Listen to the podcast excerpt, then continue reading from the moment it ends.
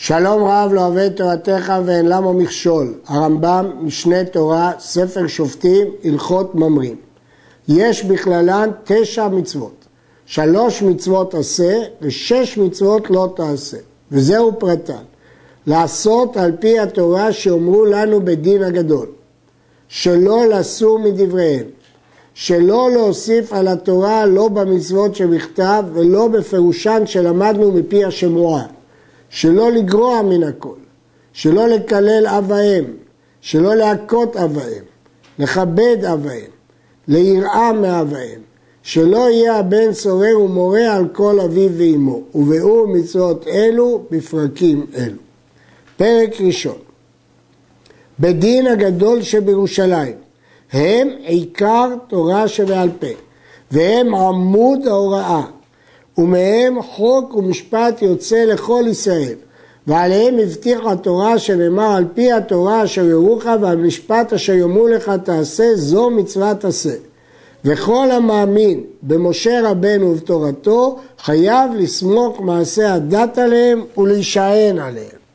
אם כן, יש מצוות עשה על פי התורה אשר יורוך ויש לאו שלא תסור לשמוע לדברי בית דין הגדול.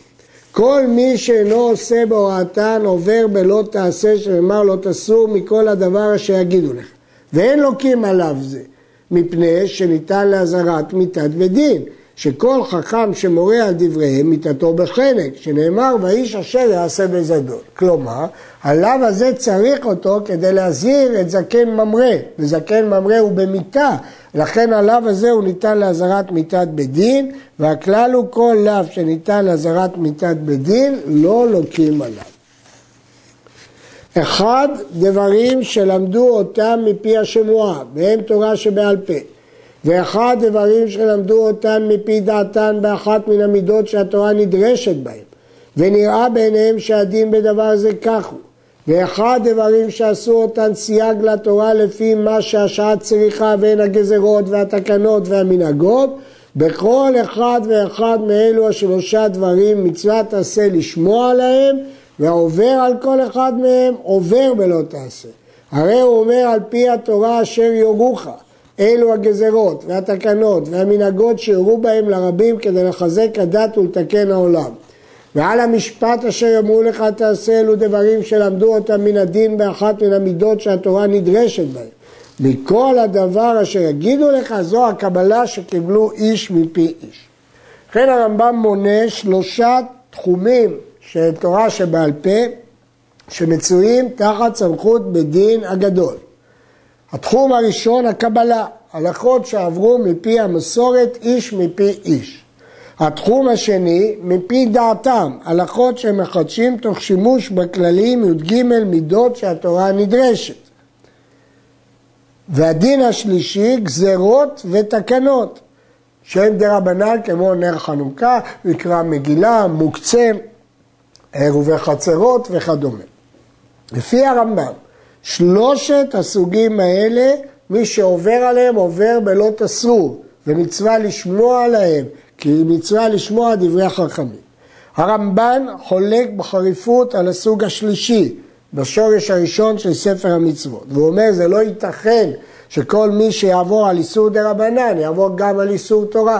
אז איך אפשר להגיד ספק דרבנן לקולא, ואיך אפשר לפעמים להעדיף לעבור על דרבנן על תורה? הרי כל איסור דרבנן הוא הופך להיות איסור תורה, וזה לא ייתכן. ולכן הרמב"ן מפרש שגם המצוות עשה על פי התורה אשר יורוך וגם עליו לא תסור, מתייחסים רק לשני הדברים הראשונים.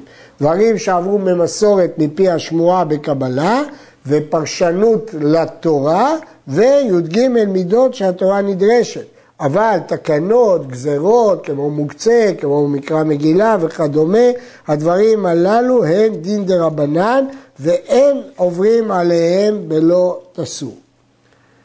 בין מפרשי הרמב"ם מצויים כמה גישות בהתמודדות עם קושיית הרמב"ם. יש אומרים, הנה חינמי, כל מי שעובר על דה רבנן עובר גם על בל תוסיף, אלא כך תקנו חכמים, שבספק דה רבנן אפשר להקל. גישה שנייה סוברת שהרמב"ם סובר רק מי שמורד בסמכות חכמים, כך כותב הקריית ספר, הוא מורד, והוא עובר על לא תסור, ומי שלא מקיים מצווה דה רבנן מסיבות אחרות, לא על זה דיבר הרמב"ם. לאיזה בית דין יש סמכות כזאת שעובר עליו עובר על בל תסור?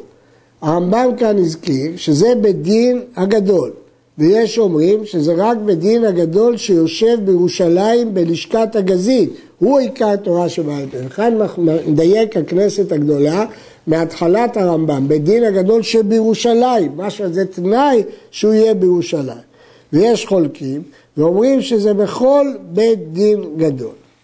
עוד יותר מזה, משמע בספר החינוך, שכל דבר שהתקבל להלכה אצל רוב חכמי ישראל, או התפשט בכלל ישראל, או אצל חכמים גדולים, והגישה הזאת מסתמכת על ספר החינוך, היא מפורטת באריכות אצל רבי אלחנן וסרמן בספרו דברי סופרים. דברי הקבלה, כלומר דברים שעברו במסורת, אין בהם מחלוקת לעולם. וכל דבר שתמצא בו מחלוקת, בידוע שאינו קבלה ממשה רבנו. לא תיתכן מחלוקת על קבלה איש מפי איש בסיני. אז אם אתה מוצא מחלוקת, זה לא קבלה. ודברים שלומדים מן הדין, אבל דברים שלא מהקבלה, הם מהמי"ג מידות שהתורה נדרשת. אם הסכימו עליהם בית דין הגדול כולם, הרי הסכימו. ואם נחלקו בהם, הרי זה מדעתם. הם לא קיבלו את זה מרבותיהם. הולכים אחר הרוב ומוציאים הדין אחד לרבים. חייב לצאת דין אחד מבית דין הגדול. אין שני דינים. איך? הולכים לפי הרוב. וכן הגזרות והתקנות והמנהגות, אם ראו מקצתן שראוי לגזור גזרה זו, או לתקן תקנה זו, או שיניחו העם על מנהג זה, וראו מקצתם שאין ראוי לגזור גזרה זו, ולא לתקן תקנה זו, לא להניח מנהג זה. נשים לב, תמיד הרמב"ם מדגים, גזרות, כמו גזרת מוקצה, תקנות ומנהגים. ואם ראו מקצתם שאין ראוי לגזור גזרה זו ולא לתקן תקנה זו ולא להניח מנהג זה, יש ויכוח אם גודשים פה את הסאה או מוחקים את הסאה, נושאים ונותנים אלו כנגד אלו והולכים אחר רובן ומוציאים הדבר אחד לרבים. הרמב"ם מדגיש, מוציאים פסק אחד בלבד. שהיה בדין הגדול קיים, לא הייתה שם מחלוקת בישראל.